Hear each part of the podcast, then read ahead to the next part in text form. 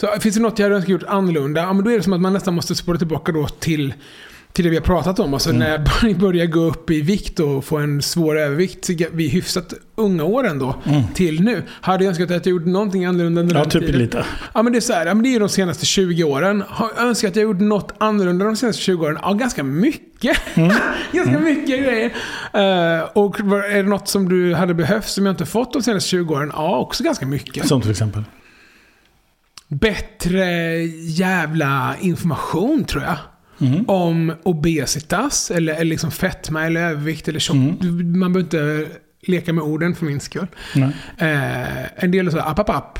Hitta inte fetma längre. Hitta obesitas nu. Så att, eh, bäst för dig att du säger rätt. Jag är inte sån, så att du behöver Inte oroa dig. Nej, Skönt. Nej, men jag bara mm, trodde att eh, obesitas funkar på ett visst sätt. Så, som det alltså inte gör. Mm. Funkar på ett helt annat sätt. I ganska väsentliga bitar. Mm. Och hade någon bara berättat det för mig innan, då hade det här blivit mycket lättare och jag hade liksom inte dömt mig själv lika Nej. hårt, tror jag.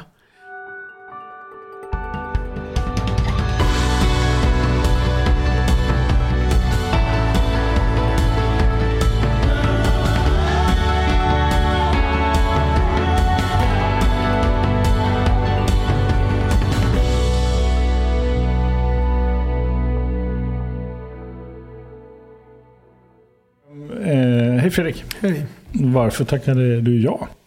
Jag vet inte, jag tackade nej först. Mhm. Varför tackade du nej först? Jag kunde inte, var stressad och pressad. Jag hade för mycket att göra. Okej. Och sen så eh, fick jag frågan igen några månader senare, eller veckor senare. Och då så tackade jag ja. Så varför tackade du ja? Jag tyckte det verkade spännande bara. Mhm. Så vad är det som är spännande med att vara med i den här podden? Jag vet inte, jag vet så himla lite. Eh, Men jag har stort förtroende för både Navid och Victoria och Karl som jobbar här med, och jobbar med andra poddar och sådär. Mm. Så jag har stort förtroende för dem. Och då, det blir som eh, förtroende by association. Mm. Förstår du vad jag menar då? Ja, jag fattar. Ja, så jag tänker att men om de tror att det är bra, då är det säkert bra. Då, har, då lägger vi en timme på det. Okej. Så nu är jag här. Mm. Så du, och, och, och sen så ställde du mig en trevligt otrevlig fråga där ute. Eh, en trevlig fråga formulerad på ett otrevligt sätt. Ja, vad var det för fråga du ställde? Vem fan är du? Ja, varför är den otrevlig? Blev Nej, men det är ju på. otroligt formulerat att säga vem fan är du till någon man inte känner. Varför det, det? Men det trevligaste är att säga jaha, vem är du? Eller vad jobbar du med? Eller vadå Karl? Sådär, det var något lite gulligare. men du verkar- Det är ju svordomen som gör det Ja, otrevligt. men du verkar inte vara den personen som har, verkar ha tid Nej, för svammel. nej, precis. är ett intryck jag har fått. Ja, det, då har du läst mig rätt. Ja, pang på rödbeta. Annars liksom så. Ja, så, att, så att, och då blir det ju trevligt på något sätt. För, för det otrevliga ligger ju hur jag väljer att tolka dig. Ja, men precis. Jag, och jag tolkar dig då som att, som att jag kan säga vem fan är du till den här gubben Ja. utan att han liksom uppfattar det som en kränkning. Utan att det, här kommer han tycka är lite kul. Att jag säger, får jag ställa en... Och, och jag, det, fan, det kanske är lite av en catchphrase. Får jag ställa en eh, trevlig fråga på ett otrevligt sätt? Då brukar folk här till, vad, vad ska komma nu? Vem fan är du? Mm. Eller vad fan, eh, du vet sådär. Då kan man ju liksom, då får man ofta ett garv eller liksom man liksom lättar lite på stämningen om man Mm. Jag tänker det, det är också ett ganska effektivt sätt att skapa, eh, att göra en så kallad intervention. Det vill säga att man tar kontroll över samtalet. Du, nu, jag kommer ställa dig en viktig fråga nu. Mm. Alltså jag gjorde ju precis det. Jag Mm. gjorde då så kallad intervention. Jag, jag liksom skapa ramen och förutsättningen för vad som komma ska. Ja. Mm. Så, då, så genom att ha den attityd så blir det att man också äger kontroll. Så då blir jag nyfiken Fredrik. Vad har du för relation till ordet kontroll? Vad jag har för relation till ordet kontroll. Gud. Ska det vara så flummigt? Um, Och, och någonting säger mig att det är inte flummigt överhuvudtaget. Nej, men det är väl, det är väl flummigt formulerat kanske. Vad har du för relation till ordet kontroll? Eh, men, men. Eh, eh, jag tycker väl om att vara i kontroll, tror jag. Eh, och jag tycker att jag är ganska bra på det. Och är i kontroll i många situationer i mitt liv och min karriär. Mm. Eh, ledartyp, liksom. Mm. Uh, gillar att göra saker på mitt sätt och, och sådär. Dålig på att vara anställd. Tror du? Eh, Var det svar på din fråga? Nej. Nej. Men, men, det, det, ja, men det var, en, det var en, en dimension av kontroll, eh, tänker jag. Ehm, mm, jag är nyfiken på fler dimensioner av ordet kontroll. Och så här då, jag råkar ju veta att du har jobbat ett tag med sidoprojekt Mm. Som handlar om... Eh, ja, alltså eh, du syftar på min eh, dokumentär eh, på SVT Play. Ja, precis. Jag har gjort en eh, dokumentärserie som handlar om mig själv. Som heter Min dokumentär. Som finns på SVT Play nu. Nu har jag sagt det två gånger. Ja. Snyggt jobbat. Ja, komma ihåg att säga det två gånger till innan den här timmen är Säkert. Ja. Ja. ja. Eh, jag, vill, jag är nyfiken på det här. Du är nyfiken på den? Mm. Då får du kolla på den. Den är alltså på SVT Play. ja, precis. Nej, men, eh, Jag är nyfiken på dig Okej, nej men... och Eh, liksom- om kort om den då, så är det så att jag filmade mig själv i åtta år. mm. Eh, och på den tiden så gick jag ner eh, 70 kilo i vikt. Och har lyckades till slut att eh, landa där, alltså inte gå upp allt det där igen. Och så film... Och jag gjorde en sån här gastric bypass-operation, om du vet vad det är för någonting. Man, eh, Men det kanske inte alla vet, så får Ja, beskriva Okej, det. men eh, för de som inte vet vad en gastric bypass är så är det liksom en buk... Vad är det som säger? En magsäcksoperation. Där man liksom bypassar, kopplar förbi magsäcken så att maten tas upp på ett annat sätt av kroppen. Och så eh, äter man inte lika mycket och så går man ner väldigt mycket i vikt. Det är väl en jätteförenkling av en gastric bypass. Här, eh, och då... Anledningen till att jag gjorde den här serien, det var att jag kom på att ett av de vanligaste namnen i Sverige är ju Johan. Du kanske känner någon som heter Johan, eller vet någon kändis som heter Johan. Och det finns ungefär 70 000 personer i Sverige som heter Johan. Men eh, när det kommer till gastric bypass och gastric sleeve, som är en variant av gastric bypass. Vi är 100 000 som har gjort en gastric bypass i Sverige. Så vi är liksom fler. Så, eh, så jäkla alltså en procent av befolkningen har gjort det och ingen riktigt pratar om det. Och då tänkte jag att det här måste public service eh, prata om på ett liksom lugnt och nyanserat sätt. Inte på ett eh, kvällstidnings eh, rubrikjagande, klickbaitande sätt. Så då så tjatade jag på dem på SVT om att få göra den här dokumentären och så gjorde jag det. Då hade du redan börjat filma dig själv innan. Ja, precis. Så du hade ändå planen att göra någonting. Ja, precis. Alltså, det är en eh, lång historia kort. Alltså, vi höll på att filma lite med mig och mitt band som jag turnerade med då. Eh, Och Vad är det för band? jag har spelat i många olika band, men eh, jag har ett band som heter Partiet. Eh, och vi har gjort 400 spelningar i 12 länder de senaste 13 åren. Eh, det är liksom... Rolig med liksom, fakta, information. Mm, mm. Ja, men det... ehm, Jag vet inte. Det, så, så det blir ibland. Så i bandet, vad, vad är din roll i bandet? Bara Jag sångare? sjunger och skriker och skriver texter och bokar tågbiljetter och sånt. Ja. Mm. Eh, nej, men och då, då så filmade vi mig och bandet eh, lite grann, i, för, då för åtta år tidigare. Liksom.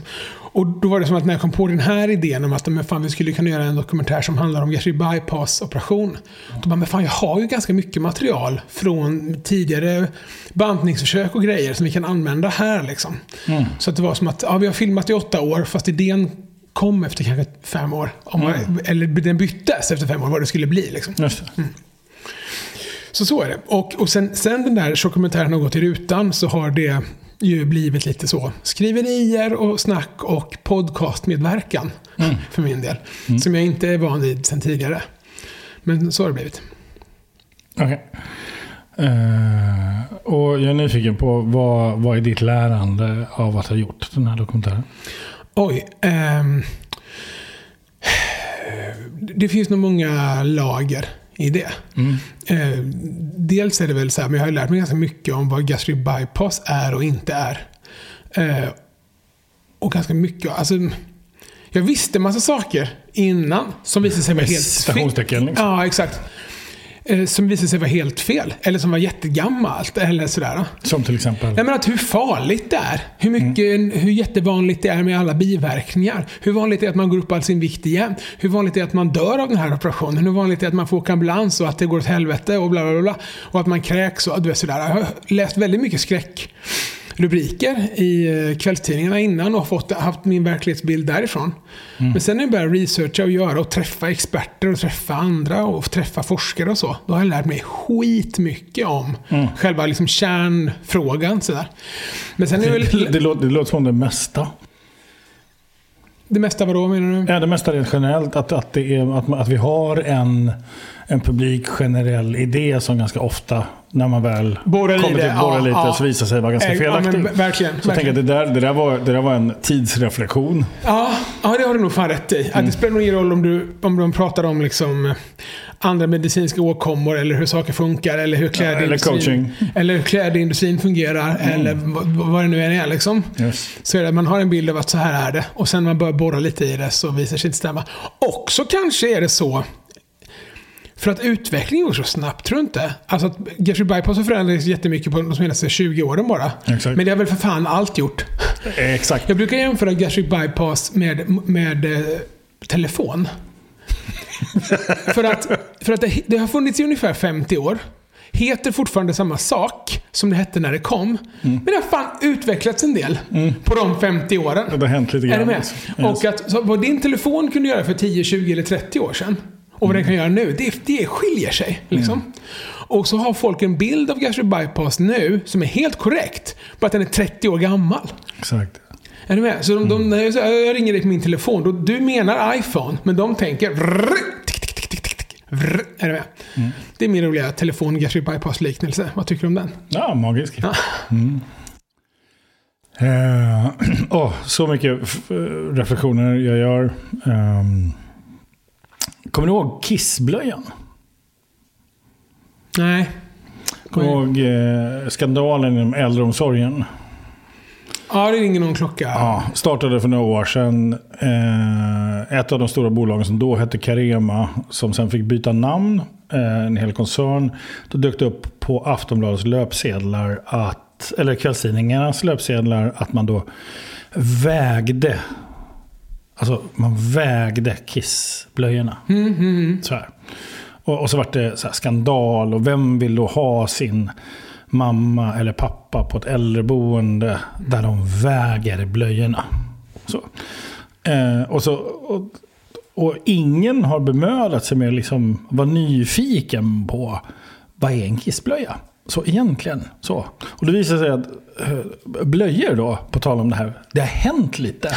ja. Eh, Så, så idag, så de blöjor man använder inom äldreomsorgen, de är, alltså, de är inställningsbara. Mm. Du kan alltså ställa in dem så att om, om du då har en sån blöja på dig så, så, så, så har ju du en viss typ av kissmängd.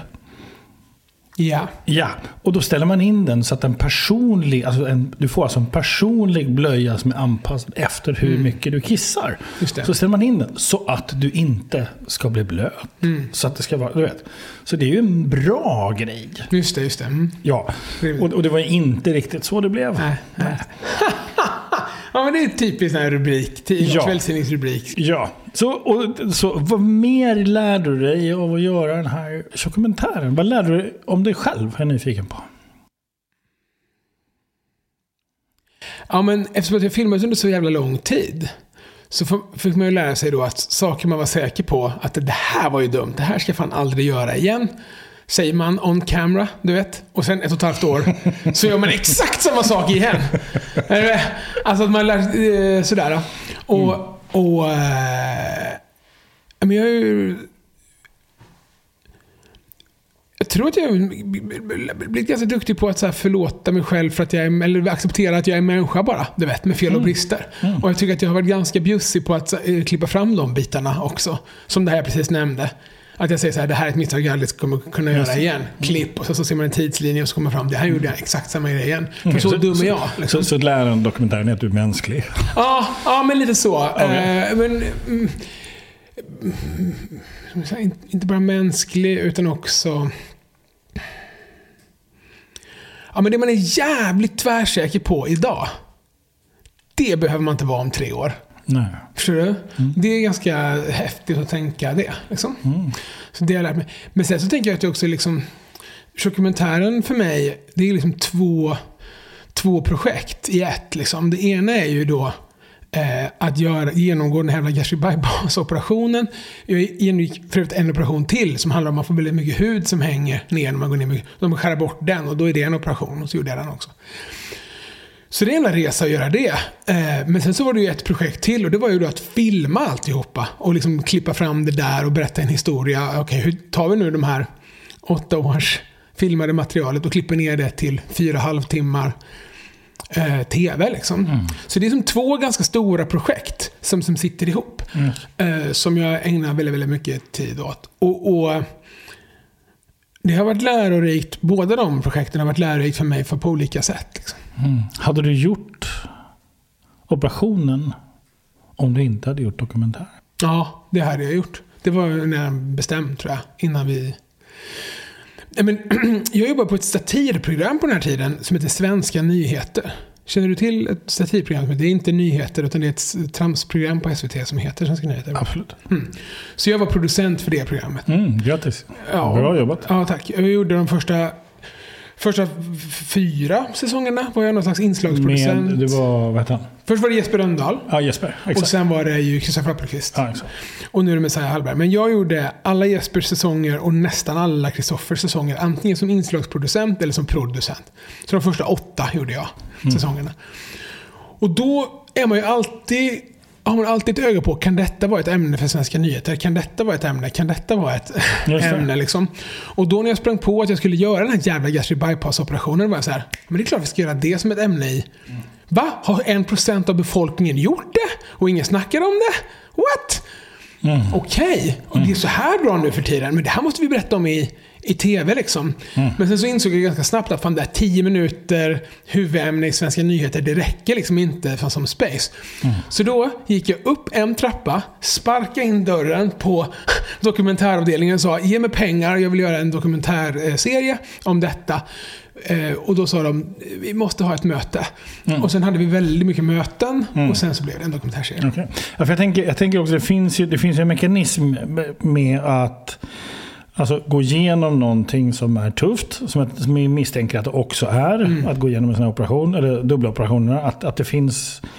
Så jag, jag, kommer, jag är lite nyfiken kring det, din relation till det. Mm. Så.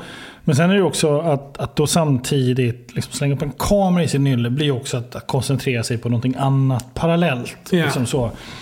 Eh, jag tänker på, eh, för massa år sedan så jobbade jag bland annat i Centralamerika. Jag träffade mycket eh, i, ja, i Nicaragua. Jag träffade, det var krig där, en del krigsfotografer och så här. Man, det, det, kameran i sig blir ju ett filter mellan det som pågår. Och, och ja, det finns en massa teorier om det där. Mm. Så tänker jag då att, att, att, att vara liksom, huvudpersonen i en dokumentär och att sen dessutom se till att filma sig själv mm. och att göra jobbet. Någonting händer ju misstänker jag. Inbillar jag mig. Jag har ingen mm. aning. Jag har inte gjort det. Men vad tänker du om mitt resonemang? Ja, det, en kamera gör så himla mycket i ett rum. Mm. Alltså det är så himla mycket i ett rum. Om, om, eh, om man bara vet, tar fram sin mobil och trycker på rec i en konversation, då märker man när folk ändrar sig. Liksom. Eh, och det roliga är att, men det har folk vant sig vid att alla har en mobil eller sådär. Men om man tar upp en större rigg liksom, då helt plötsligt är då folk ännu mer, du vet, mm. man byter nästan person av det där. Mm. Eh, och det fick jag lära mig när jag pluggade till tv-producent, att så här, kamerans storlek spelar så jävla stor roll om man filmar dokumentärt. Mm. Så beroende på vilken av bemötande du vill ha av, av människor, mm. vad du är ute efter, desto större kamera ska du ha med dig. Liksom. Så storleken har betydelse? Eh, exakt. Förlåt, vad dåligt. Ja, men, eh, men vet, så, om, man ska ha, um, om man vill göra ett stort seriöst intryck och ställa makthavaren mot väggen, stor kamera, jättebra liksom om du vill få ett så personligt samtal med någon mm. och få då är det mycket bättre att den här duktiga fotografen får en liten handhållen kamera. En liten telefon. Ja, men en, något sånt där liksom. Mm. Och man kommer nära och sitter och pratar och man behöver inte ha någon jävla mick på en bom över. Mm. Utan man kan ha något. För det där är, det är sån jävla skillnad med, med människor, vad man har mm. för, för kamera. Mick med bom. Jag har, har någon gammalt minne från en resa en gång. När det var ett tv-team som följde med. Och då fanns det en kille, han var en gammal rasta-snubbe. Som hade den här, alltså den här väskan på höften. Mm -hmm. Det var ju typ större än, än hans höft. Och han gick omkring och rökte brass hela dagarna. Och så gick han omkring med den micken. Så, så när du sa mick med boden, då, såg jag honom. Ja, Han bara, ja, delar, delar, delar. Ja. Du, ehm, vem var du innan och vem, var du, vem är du efter dokumentären? Ja, du. Då, då förstår jag att det är så pass lång tid att det inte går att säga på grund av... Nej, det, det är liksom inte som att jag varit med i Mello, liksom. Så, så, som en explosions, du vet sådär. Att man är så här. eh, Men jag tror att jag har vuxit in i liksom den här... eh, släppt, släppt skivor och gjort musik och varit på turnéer och jobbat ganska mycket bakom kameran i tv-svängen. Men även gjort på lite med radioprogram och bababapp eh, i olika sammanhang. Och eh, tittat fram, fram på kameran och enstaka gånger i Svenska nyheter liksom och, och sådär. Och sen så, den här jävla dokumentären... Vi har, ju om man ska vara petnoga har vi filmat längre än åtta år. För att det är så mycket arkivbilder och gamla musikvideos och sådär som är 10-15 år gamla. Mitt första framträdande i tv, Lilla Sportspegeln, när jag var med och tävlade i roddmaskin, vad jag nu var, kanske så 13 år gammal eller 12 eller vad jag var. 11 kanske. Det är också med, förstår du? Så det är lite livsverk. Jag kommer aldrig göra det här igen. Jag kommer inte filma mig själv i åtta år igen. Så det är, liksom, det är lite livsverk. Du sa ju alldeles nyss att man omvärderar sådana saker som man säger. Just det, jag kommer aldrig göra det här igen. Nej, precis. Klipp! Ja, fan. Nej, men så... så, ehm, så, så att, jag, jag, jag, jag tror att... Det, det fanns nog liksom inget innan. Här, innan jag gjorde dokumentären så var jag si och sen så hände det något pang och nu så kom jag ut på andra sidan så. Som att det liksom är... Det är liksom inte en trafikolycka eller en mellomedverkan eller liksom något så, sånt där. Utan det är ganska lite långkok liksom. Mm. Det är 70 kilo. Mm. Tänker jag. Ja, ja det är det med. Ja, och då liksom vad... Hur har det förändrat dig? Liksom 70 kilo mindre av Fredrik? Ja.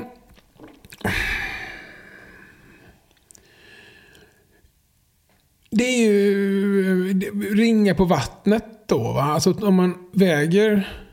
Nu väger jag ju 162. Nu? Nej, inte nu väger jag inte 162. Men när jag var som störst så vägde jag 162 ungefär. Och nu så väger jag då någonstans mellan 92 och 97. Liksom. Så att 65-70 kilo, någonstans där. Mm. Och när man väger 162, då är det svårt. Då är det fan på gränsen till svårt att göra vanliga saker. Alltså Som till exempel? gå mellan två tunnelbanestationer. Gå upp tre, fyra trappor. Hur, hur var på det en- innan? Har det, har det alltid varit så? Eller blev det Ja, nej, jag 62 kilo? föddes inte 162. Nej, det hoppas jag. Nej, men jag har ju jojobantat då liksom sen gymnasiet ungefär. Sen gymnasiet? Ja, jag- precis. Ja, högstadiet, gymnasiet någonstans där. Men, men vad heter det?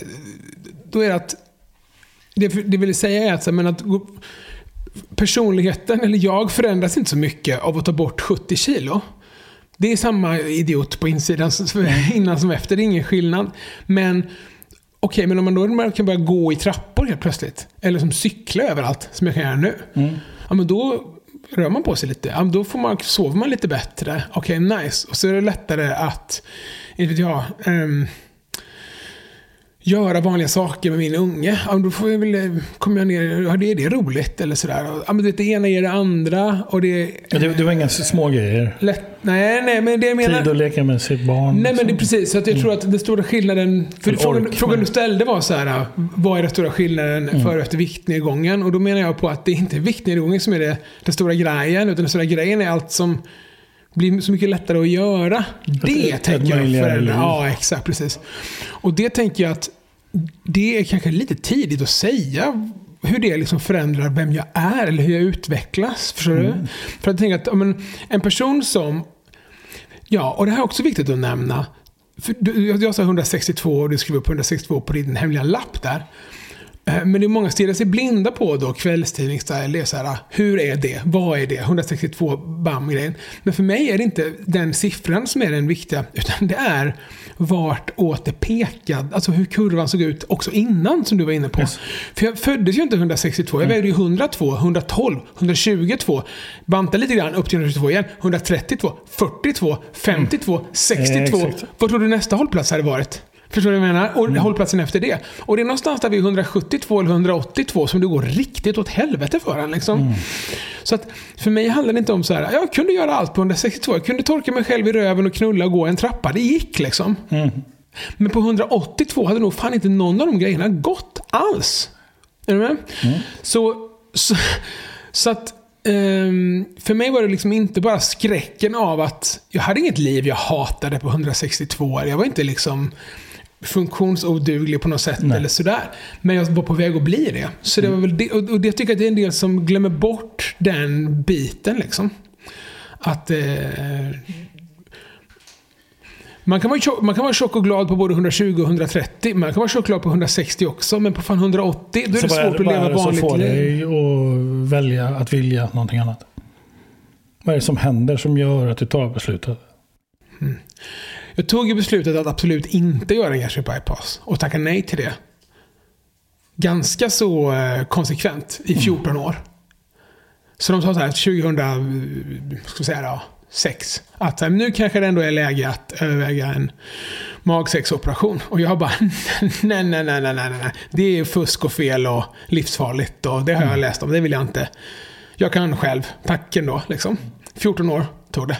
Mm. Och sen eh, 2020 då, då var det som att okej, men nu har jag fan provat allt liksom. Mm. Eh, och då har det ju inte gått ner i vikt utan ja, gått ner och gått upp och så lite till. Och så gått ner och så gått upp och så lite till. Som alla gör liksom.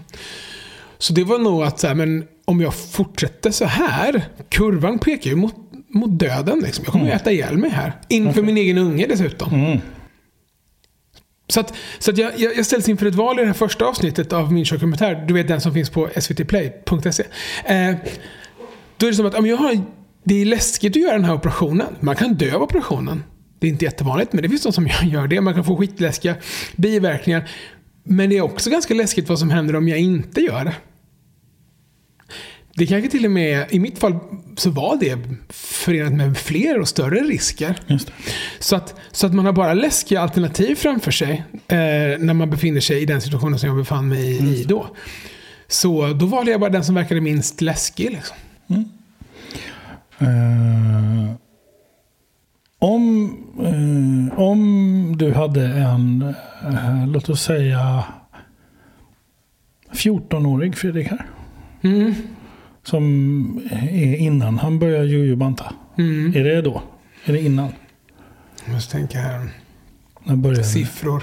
När började det? Ja, ja, men jag tror att jag började väl... Ja, men se 14 år är ganska bra tror jag. Ja. Så är det som händer. Hur gammal är man när man är... Då man in på högstadiet någonstans? med 14, 8. Ja, precis. Ja, mm. Till mitten i högstadiet. ja, ja, visst. Så, så vad hände för Fredrik där och då?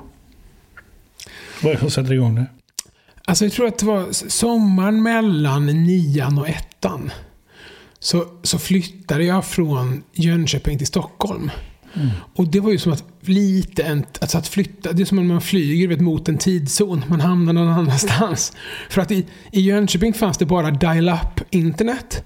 Och i Stockholm så fanns det liksom bredband. Är du med? Så jag flyttade fram liksom Snackar vi 90... Ja, millennieskiftet, alltså 99 Ja, någonstans där. Ja, precis.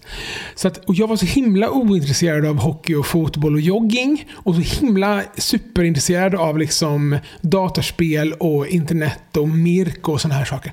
Eh, Battlefield, nej. nej, det, var, det kom långt senare. Nej, Okej. Jag tänker att jag var mer intresserad av Quake 2 Mm. och eh, Empires 1 och sådär.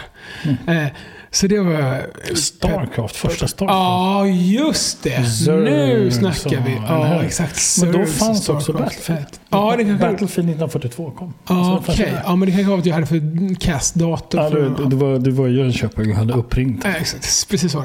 Nej, men så att då var det att jag bara, men fan vad nice. Här kan man, ju, kan man ju sitta på internet och det kostar ingenting per minut. Vilket ju var toppen. Så att då var det nog att jag liksom lite försvann in i den världen helt och hållet. Liksom. Och satt still hela tiden och bara... Eh, Ja. Varför flyttade ni från... Jaha, eh, men em, min morsa träffade en gubbe i Stockholm hade gjort länge. Liksom. Eh, och de hade hållit på att pendla och, och trixa och sådär. Och vi var ju uppe i Stockholm och tyckte det var ganska coolt med... Okej, så din- du är inte uppväxt med båda föräldrarna? Ja, jag gjorde Pappa varannan helg eh, uppväxt med båda Det var den du föräldrarna. gjorde? Ja. Det var ju poppis på 90-talet då. Att så här, jaha, delad, ja men då är det ju varannan, varannan helg och skolloven. Eh, som jag var hos min farsa. Och sen så var jag liksom hos morsan i veckorna. Liksom.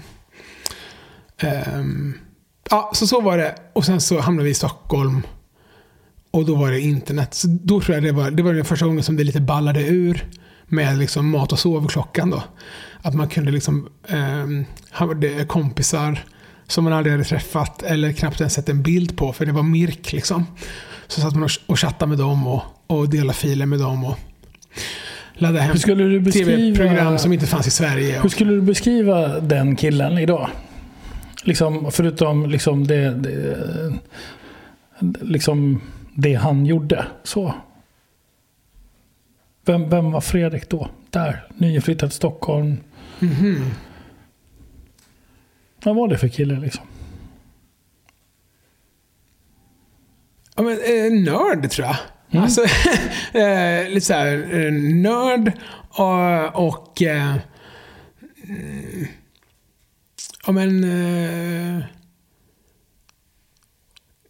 för, för, om jag använder begreppet dampig som, eh, Mm. som är det adjektiv när man beskriver saker. Där, va? Mm. Eh, Skä- Skällsordet för ADHD. Liksom. Ja, men precis. Det, det, det hette damp då. då. Dampig nörd som bara vet, hyperfokuserar på en grej och sen på nästa. Liksom. Mm. Eh, men du försöker säga vem det är. Ja, Mm. för jag kan sitta och säga vad jag gjorde. Ja, jag, vet, jag vände på dygnet och jag drack Mm. mycket Coca-Cola och jag hängde mycket på Mirk. Men det är, det är inte så mycket vem det är.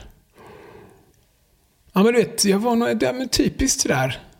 Eh, den typiska tonårs, du vet. Man är barn på jättemånga sätt. Mm. Och sen är man vuxen, tycker man själv på jättemånga sätt. Och så har man finnar och så är det något mittemellan. Liksom. Mm. Sådär.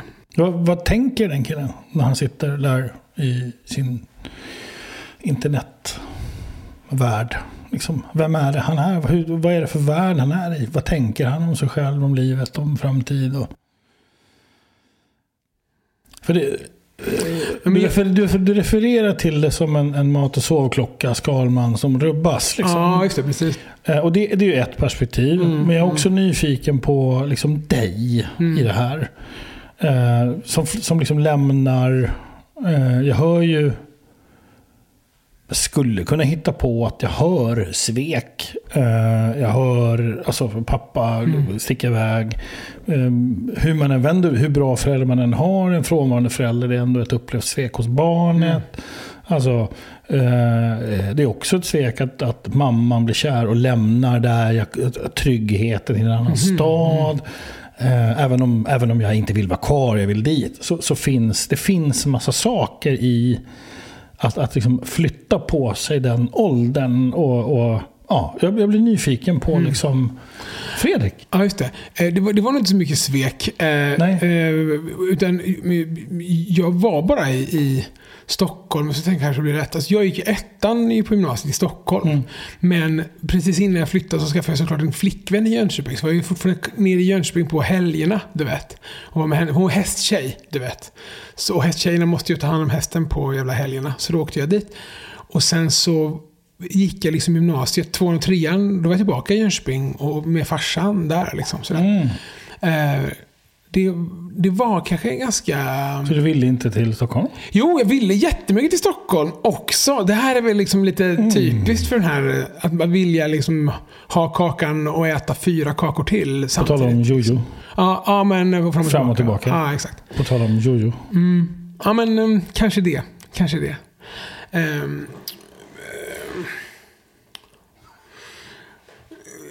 jag, jag, jag, jag försöker liksom sätta fingret på eller liksom svara på din fråga här, vem han är. Men jag tänker att men som tonåringar är mest liksom, fast på mitt sätt bara.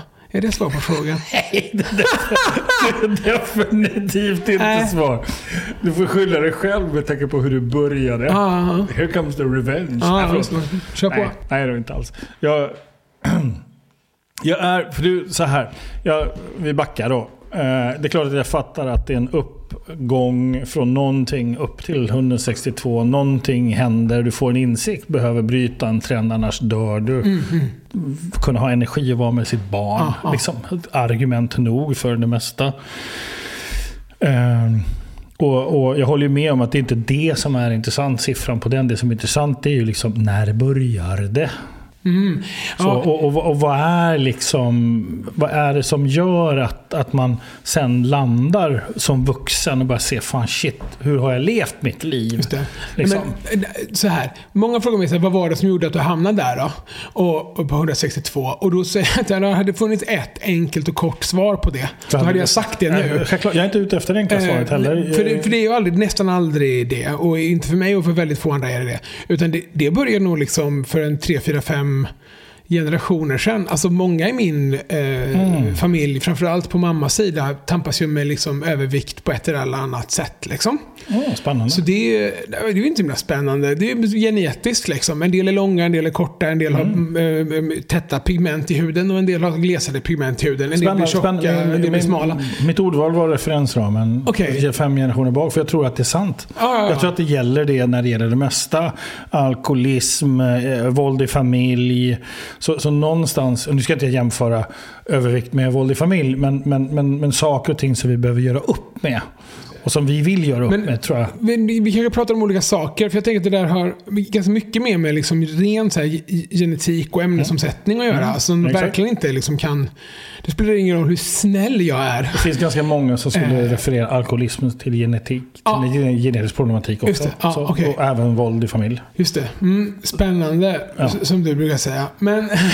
men, men eh, Och den här dokumentären går att se på svtplay.se. vad heter det? Men, men, ehm, så jag tror att genetik spelar en stor roll. Det här Absolut. genuina intresset för datorer och genuina ointresset för liksom, fotboll spelar en roll. Tror du?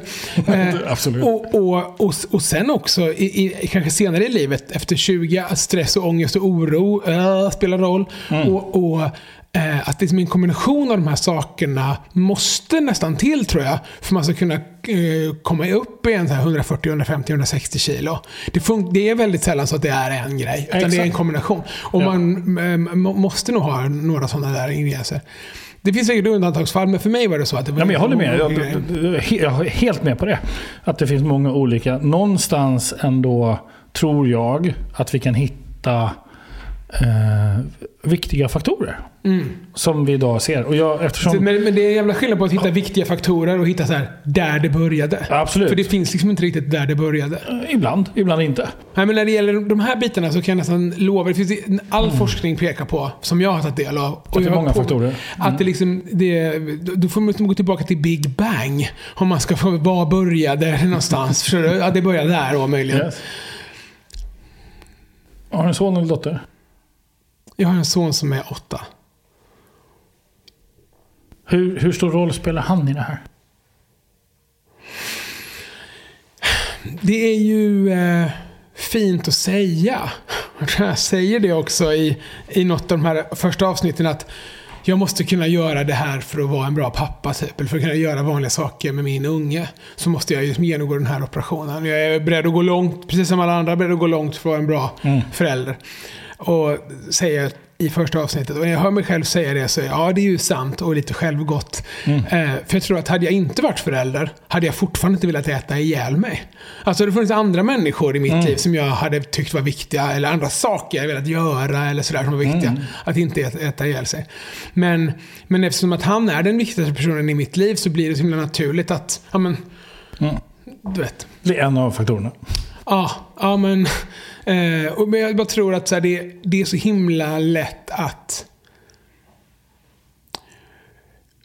skylla på eller liksom projicera sina Mm. behov eller sina behov att må bättre eller behov att...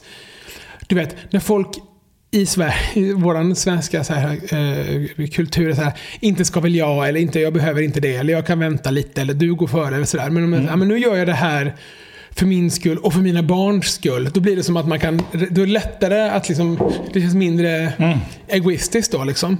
Men, och, och jag kom på mig själv att jag säger också det i avsnitt ett. Men så, när jag tänker efter, nej vet du vad? Skit i honom. Jag vill Det- fortfarande inte väga 182 eller 182 eller 192. Jag vill Ja, inte göra fint det att ändå. höra det. Är med? Jävligt fint att höra det. Därför att det är ett stort ansvar för en åttaårig pojke att bära. Exakt. Ja, Tänker jag. Ja, verkligen. Att så här, eh, och jag tänker det, folk som, inte vet jag då, som du verkar ha erfarenhet av, sluta supa. Eller du vet, styra upp sitt liv. Eller, Och så gör de här, "Ah, men jag måste fan göra det för annars kommer jag förlora kontakten med mina ungar. Bla, bla, bla, bla. Skit i ungarna, det vore väl toppen om du slutar supa för din skull. Alltså, för, förstår du, du behöver också, du har ett värde. Alltså sådär. Jag hör, jag hör dig säga att jag har ett värde. Ja, ja, ja precis. Exakt så. Och Den, den tänker jag är viktig. Ja, ja nej, men... eh, jag, jag, jag, jag- tycker att du är inne på någonting fint där. Att det är mycket för ungarna att behöva bära att så här, nu ska min förälder göra detta och detta så här, för min skull. Eller sådär.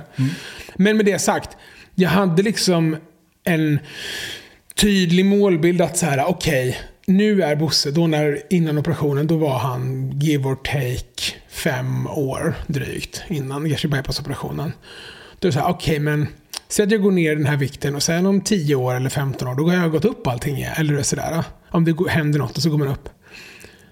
Ja, fast då har jag i alla fall hållit en hyfsat normal vikt under typ ganska viktiga år av hans. Eller du vet, så här, då är det ändå en win. Du vet. Om, om man får välja på att kunna paddla kanot, cykla, simma, gå långa promenader med sin unge eller att inte kunna göra det, i alla fall i 10 år eller 15 år. Det är liksom inte ingenting. Så att när folk som säger så här, min Gertrude bypass funkar inte för att efter 20 år så gick jag upp allting igen. Eller efter 15 år så gick jag upp allting igen. Men det funkar i 15. Ja, men du vet 15 år av livet är mycket. Men en, om man har, har ett barn som jag har, då är åren från att han fyller 5 till att han fyller 20. Det är en ganska stor del av hans uppväxt som man kan gå promenader med honom på. Eller du vet, så, här. exakt. så, att, så att det är klart att jag tänkte en del så också. Vad, vad önskar du att du hade gjort annorlunda när du tittar tillbaka? Uh, liksom på uh, dokumentären och på liksom... För, eh, och, och också, är det någonting du har saknat? Och du har saknat stöd från någon eller något i det här? Hade önskat att någonting hade varit annorlunda? Ja. Många frågor på en gång. Det, det är väldigt Ja, men det, är två, det är två stycken frågor, men de sträcker sig över sånt jävla tidsspann också. Så finns det något jag hade önskat gjort annorlunda, ja, men då är det som att man nästan måste spåra tillbaka då till, till det vi har pratat om. Alltså när jag börjar gå upp i vikt och få en svår övervikt vid hyfsat unga åren då, till nu. Hade jag önskat att jag gjort någonting annorlunda under Ja, den typ tiden. lite. Ja, men det är så här, ja, men det är de senaste 20 åren. Har jag önskat att jag gjort något annorlunda de senaste 20 åren? Ja, ganska mycket. ganska mycket grejer. Eh, och är det något som du hade behövt som jag inte fått de senaste 20 åren? Ja, också ganska mycket. Som till exempel. Bättre jävla information tror jag. Om obesitas, eller, eller liksom fetma eller övervikt eller tjock. Du- Man behöver inte leka med orden för min skull. Eh, en del är så här, app, app, app. Hitta inte fetma längre. Hitta obesitas nu. Så att, eh, bäst för dig att du säger rätt. Jag är inte sån, så du behöver inte oroa dig. Nej, skönt. Nej, men jag bara um, trodde att uh, obesitas funkar på ett visst sätt. Så, som det alltså inte gör. Mm. Utan på ett helt annat sätt. I ganska väsentliga bitar. Mm. Och hade någon bara berättat det för mig innan, då hade det här blivit mycket lättare och jag hade liksom inte dömt mig själv lika Nej. hårt, tror jag. Så det är väl en sån grej som jag tror att jag hade velat ha och liksom- önskar att den här jävla dokumentären ger till andra nu. Ja, exakt vad jag har, eh, tänkte på att det lär den ju göra. Eh, jag kommer se den. Uh, jag kommer återkoppla sen när jag har sett den. Ja, kul. Ja. Vi ser fram emot. Mm. Eh, eh, ja, under en sån här process, får man liksom terapeutiskt stöd? Det är jag nyfiken på. Mm, jag fick det för att jag bad om det. Mm. Eh, Jag upplever det så med svensk sjukvård att den är fan toppen. Svensk sjukvård är helt eh, överlägset eh, bra. På- premissen då att man får projektleda allting själv. Exakt. Så gör man bara det, då är det, det är perfekt. Så jag fick en toppen kombination av liksom eh, terap- eh, samtal, eh, eh, psykologstöd före, under och efter eh, den här processen. själva gastric bypass-operationen finansierad av det som tidigare hette landstinget, som nu heter regioner. Och samma sak med den här jävla bukplastiken, du vet, skära bort huden-grejen. Allt det där eh, och också typ så följdsjukdomar. Eh, fick en, ett, en jättekul sjukdom som heter PTTD. Mm-hmm. Har ingenting med PTSD att göra. Det låter som att någon har varit elak mot mig när jag var liten. Mm. Men PTTD det är alltså latin och betyder ungefär tjockis med lite ont i foten. Mm-hmm. Så då får man ha inlägg och så. Så att, att synka liksom PTTD-fotinläggen och de här jävla operationerna och psykologen. Man får projektledare själv. Så länge man projektleder själv, då är vården fan toppen och jävligt kostar 100 spänn per, du vet. Och sen är det högkostnadsskydd på det. Toppen. Allt är bra. Men... Eh, men så att ja, jag fick psykologhjälp före, under och efter. Jag fick... Eh, eh, eh fick det och det får man om man ber om det. Och i vissa länder så är det krav. Mm. Att så här, okej, okay, vi som stat kan pröjsa för din jävla gastric bypass då. Men då, om vi ska göra det, då vill vi också att du innan träffar psykologen här och snackar lite om hur fan det kom sig att du börjar väga 170 kilo. För att den här operationen du ska göra nu, den kommer liksom inte ta bort något av de bakomliggande faktorerna som gör att du väger som du gör. Så därför är det vårt liksom motkrav på dig. Mm. I Brasilien funkar det så till exempel. Mm.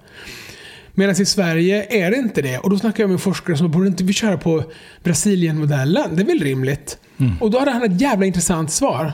Som är så här. Nej Fredrik. För att en stor del av de obesitaspatienter som finns är i behov av samtalsstöd på ett eller annat sätt. För att man, ja, som vi pratade om innan, ingenting kommer från ingenstans.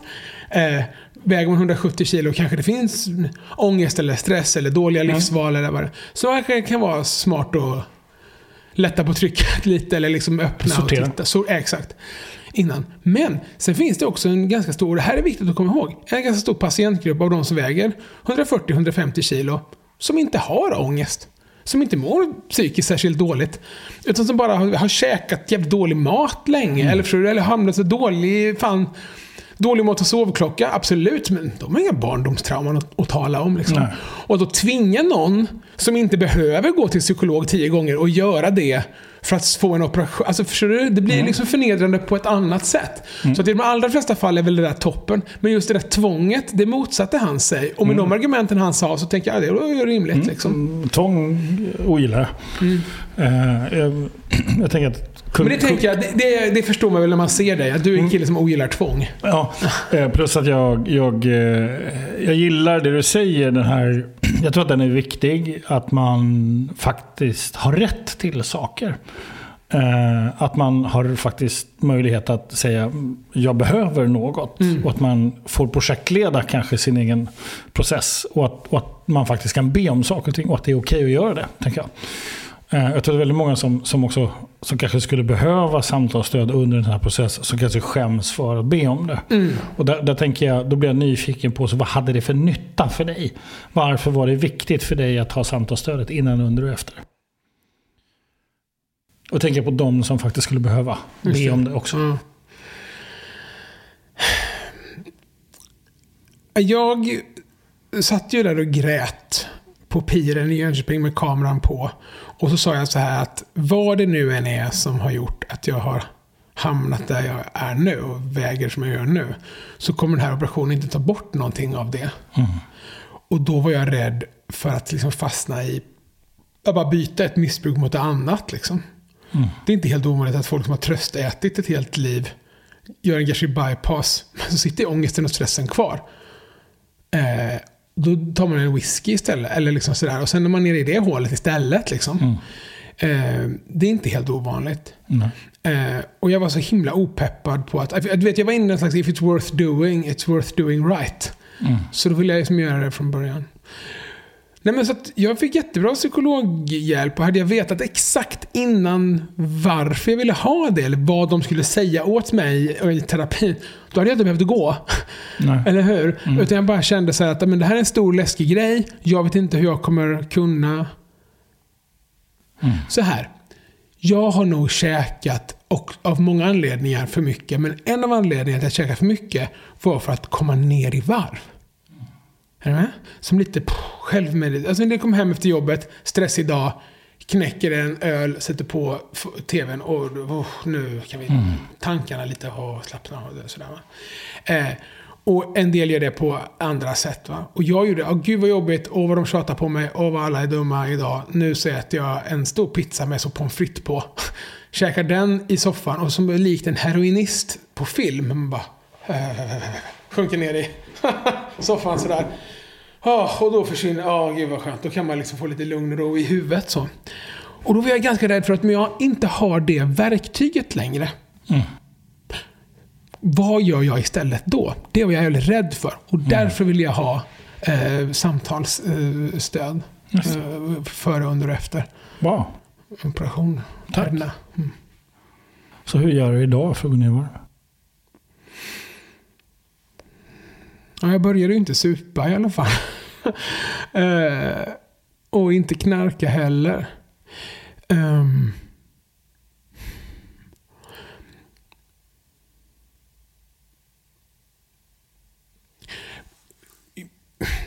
jag käkade nog dels för att bara komma ner i varv, men också för att dämpa ångest. Och, eh, och dämpa stress. Och min psykolog sa till mig i avsnitt kanske två, eh, att men, eh, stress, eller att man är ledsen, eller vad det fan, jag vet inte vilka ord hon använder då. För, eh, ja, men hon var inne på så här, men äter jag för- att jag är stressad? Då kanske jag behöver... Är jag stressad för att jag är mycket på jobbet? Då kanske du behöver gå en promenad. Är du stressad eller ledsen för att du känner dig ensam? Då kanske du ska ringa en kompis. Är du ledsen eller stressad eller har ångest eller mår dåligt för att du eh, ehm, är hungrig? Om du Då käka något. Sådär. Men hon var ganska inne på att här, försöka... Att, att hon hjälpte mig, coachade mig.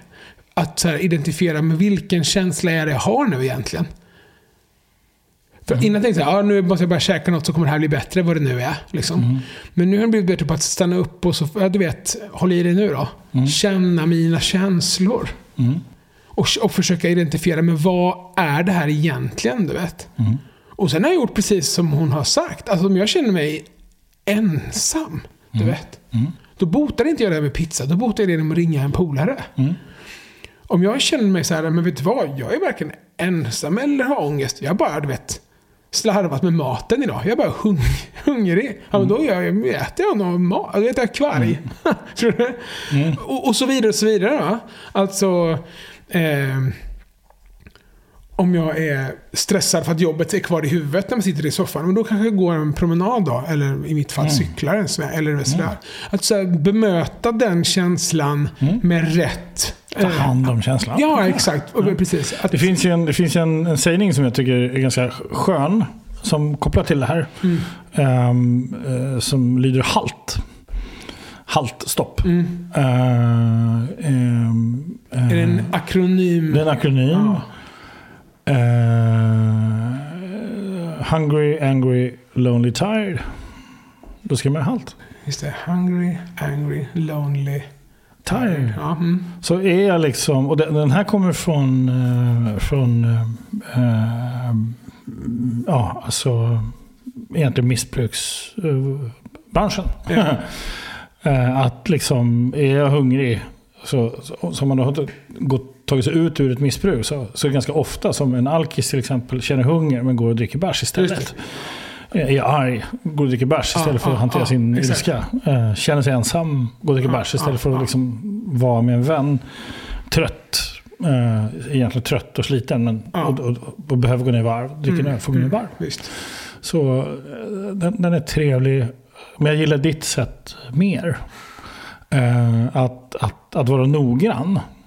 Eh, noggrann och specifik med vad mer specifikt är jag de facto känner och upplever. Ja, ja. Och, och, och ta sig tid att reflektera Mm. för det. Jag tänker den... Den borde vi väl alla göra? ja det, det spelar ingen roll vad man väger. Utan Nej. det, Eller hur mycket man dricker. nej, nej, eller liksom Utan, så, alltså, att, att, men att eh, försöka känna, vad är det jag känner nu egentligen? Mm. Eh, och stanna upp i det. Och sen också typ att om man känner en jobbig känsla då, saknad. Mm. Man känner sorg eller man känner frustration eller man är Mm. arg och sådär. Att liksom inte inte känna den känslan då, bara för att den är jobbig. Du vet. Exakt. Utan att säga, ja nu är jag jätteledsen för jag saknar den här personen. Bra, då kan jag sitta här och vara ledsen över det ett tag. För man får det, du vet. Eller hur? Det är så jävla... Ja, det är en befrielse alltså. Ja. För att då går det liksom över på riktigt alltså. Det är att ta upp den här känslan som är så där jävla jobbig och bara vara med den lite. Och känna hur det är, du vet så här, ja nu kände jag det. Och jag kommer nästa, att du vet, så fortsätter livet på något sätt. För man bara trycker ihop den där och Vad händer för dig nu, Fredrik? Sådär. Vad är det som händer? Ja, men du märker på mig att jag blir lite emotional nu. För jag tänker att jag har så, i nästan 40 år har ägnat mig så mycket åt att Ja, här är den här bajsmackan, här är den här jobbiga känslan. Och så trycka ner och trycka undan den, du vet. Och så går runt och bära på det liksom. Och det är en ganska skön känsla att så här, gå i, du vet, plocka upp de där sura jävlarna. Titta igenom det, inse vad det är, försöka göra. Du vet, men lite som någon... eh, Jag vet inte om du påminner om 12-step program liksom. Vad, kan jag göra något åt det här nu? kan jag förlåta mig själv för det här? Eh, vad var det som hände? Vad var det som inte... Du vet sådär. Alltså jag, jag hör inte dig säga det. Jag hör dig säga vad känner jag nu? Det är det här. Och låta det vara det det är. Ja, ja Och ha respekt för det som pågår och inte försöka göra om det, flytta på det, Nej. utan, utan vara med det. Oavsett vad det är. Om det är glädje, sorg, smärta, rädsla eller passion, lust, glädje. Ja. Vad, vad viktigt det är. För därför att de där hänger ju ihop, tänker jag. Såklart. Alltså min, min, min oförmåga att vara i min egen ilska kommer ju att påverka min förmåga att också vara glad. Ja. De hänger ihop det där. För det, det är ju samma mekanism att stänga ner och stänga av. Att inte tillåta mig själv att vara glad för de saker som jag naturligt faktiskt borde kunna få vara glad för. Så, men har jag lärt mig att stänga, då, då kommer det påverka det också. Eh, och och, och jag, jag tänker, tittar man på... Alltså jag är otroligt nyfiken, jag är också orolig. Jag har en oro, jag har en, jag har en, en eh, 50 plus bekymrad blick när jag tittar på hur vi är med varandra. Liksom, när jag ser hur barnen är med varandra, när jag ser liksom hur lärare är med i kontakt med elever, när jag ser hur vi, hur vi är med varandra på bussen. Eh, när någonting Tänk- händer. Du att det var bättre förr eller? Nej, absolut inte. Absolut inte. För det tänker jag är den, det tänker jag är väsentligt. Ja, men lärarna är så mot elever eller så här är vi mot varandra på bussen. Och jag- kan hålla med dig om att mycket av det där är dåligt. Men jag tänker att man får passa sig för att tänka att det var bättre förr. ja, det, var, det var inte absolut inte den. För jag tänker bara att Jag har ju världen... referenser om en Latinamerika. Ja, just det. Precis. Ja, Ja. men... Eh, Ehm, och och, och där, där finns någonting annat. Mm. Som, som, som, jag, som jag hoppas att vi är på väg till. Mm. Nej, Alltså just det här, det som händer för dig nu. Att här kan två män sitta och prata om viktiga saker och tillåta sig att vara emotionella. Ja. Och prata om det utan att göra om det till någonting annat. Utan att få vara med det tillsammans. Den är otroligt värdefull. Och, ganska, och det är för mig med. Och säkert för det skulle vara jättevärdefullt för väldigt många andra, kanske framförallt då killar, att få göra det. Och...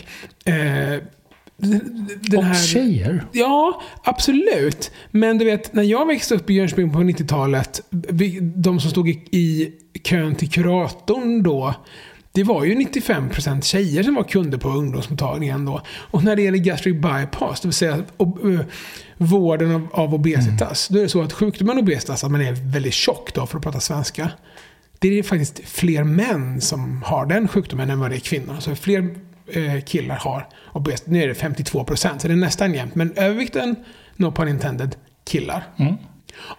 80% av de som får den här hjälpen är tjejer. Och då har jag två teorier om det. Det ena det kallar jag eh, för Bianca Kronlöf-teorin. Och det är att det är så synd om tjejer. De är så förtryckta. Du vet. För det är så synd om tjocka tjejer då. För, för att tjocka killar som jag, då kommer jag ta på sig en kostym och en slips, kalla det för pondus och göra 400 spelningar i 12 länder och hoppa runt. Och Förstår du? Som jag har gjort. Det kan man göra som man på ett annat sätt. Tjocka tjejer kan inte det på samma sätt. Och där finns det forskning på också.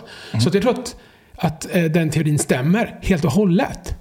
Men den andra teorin är då, som jag tror att både du och jag har varit inne och nosat på, att killar är generellt sämre på att söka hjälp oavsett vad det gäller. Exakt. Eh, och- och det gör att den stora gruppen då, eh, som lider av obesitas får inte eh, vården, den tillfaller andra. Eh, och det har jättemycket med kön att göra, men också med eh, stad och land att göra. Det är ganska många tjejer i storstadsregionerna som får väsentligt bättre liv av den här typen av kirurgi. Och ganska många män på svensk landsbygd som inte vet om att den ens finns. Och de är jävligt överrepresenterade i en annan statistik, nämligen självmordsstatistiken. Eller, hur? Och då tänkte jag så här. Fan vet om det inte kan vara värt ändå att jag dummar mig i tv i fyra avsnitt och visar pungen och gråter och går till psykologen och filmar min operation. Jag stoppar för fan in en kamera där. Ser du ärret där? Stoppar in en kamera in i magen. Filma min lever. Förstår du? Och så tänker jag så här. Nog fan om det kan få lite fler killar att veta om att detta finns och våga söka hjälp. Inte bara skit i gastric bypass, det är inte så jävla viktigt. Men bara söka hjälp inte, till en psykolog eller till en hjärtläkare eller söka hjälp för sina knän eller sin rygg. Om jag kan inspirera fler män att göra det, då tänker jag att det är ganska mycket vunnet redan där. Tack själv, tack för att jag fick komma och babbla. Vad tar du med dig efter idag Fredrik? Det blev lite emotional där eh, eh, nu mot slutet när vi snackade om eh, att våga känna, att stanna upp i känslor. Och att, att känna dem på riktigt och så. Och, och tillåta sig själv att känna dem ju. Jag blev berörd när vi pratade om det märkte jag. Jag märkte att du märkte det också.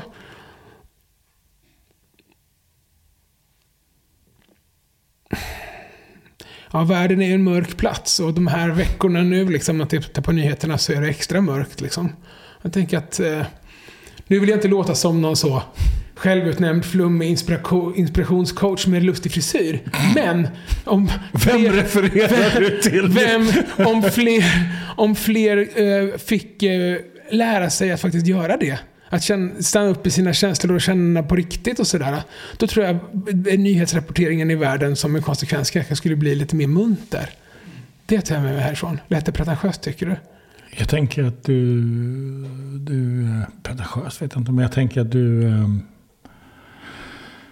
Du förklarade precis eh, varför jag gör det jag gör. Ja, okej. Mm.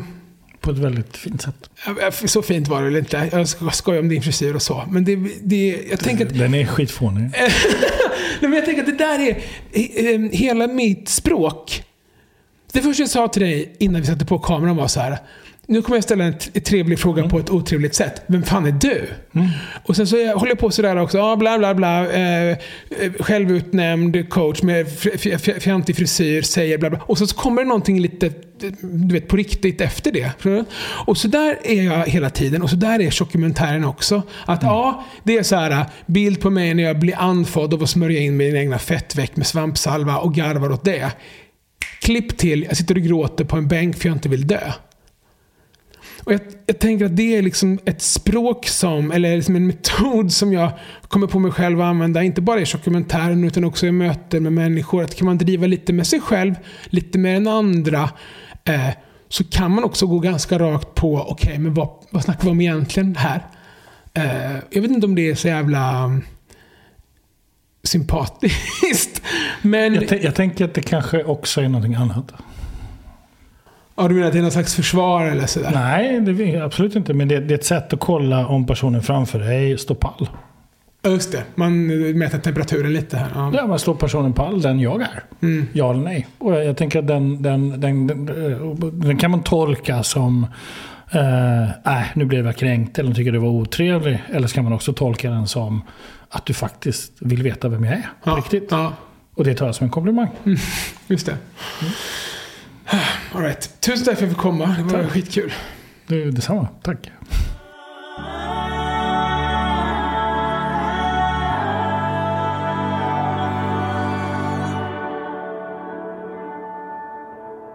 Du har precis hört mig, Alexander, coacha ännu en människa. Och jag blir nyfiken vad som hände hos dig när du lyssnade på det här avsnittet. Passa på och ta det här tillfället i akt att stilla dig en stund. Skriv ner, reflektera. Vad var det som gick igång hos dig? Vad var det du lärde dig? Vad var det som blev viktigt för dig? Hur kan du använda det i din vardag? Sen hoppas jag att du kan hjälpa mig att sprida den här podden till fler som du tänker behöver den. Sprid det här avsnittet i dina kanaler. Skriv en recension eller en kommentar vad podden har gett dig. Tack för att du delar. Tack för att du lyssnar. Vill du också lära dig och bli bättre på att leda den här typen av samtal som jag håller och att coacha på riktigt? Ja, men, gå in på alexanderholmberg.se och pröva någon av våra digitala kurser eller fysiska utbildningar. Eller hör bara av dig om du har en fråga. Återigen, tack för att du lyssnar.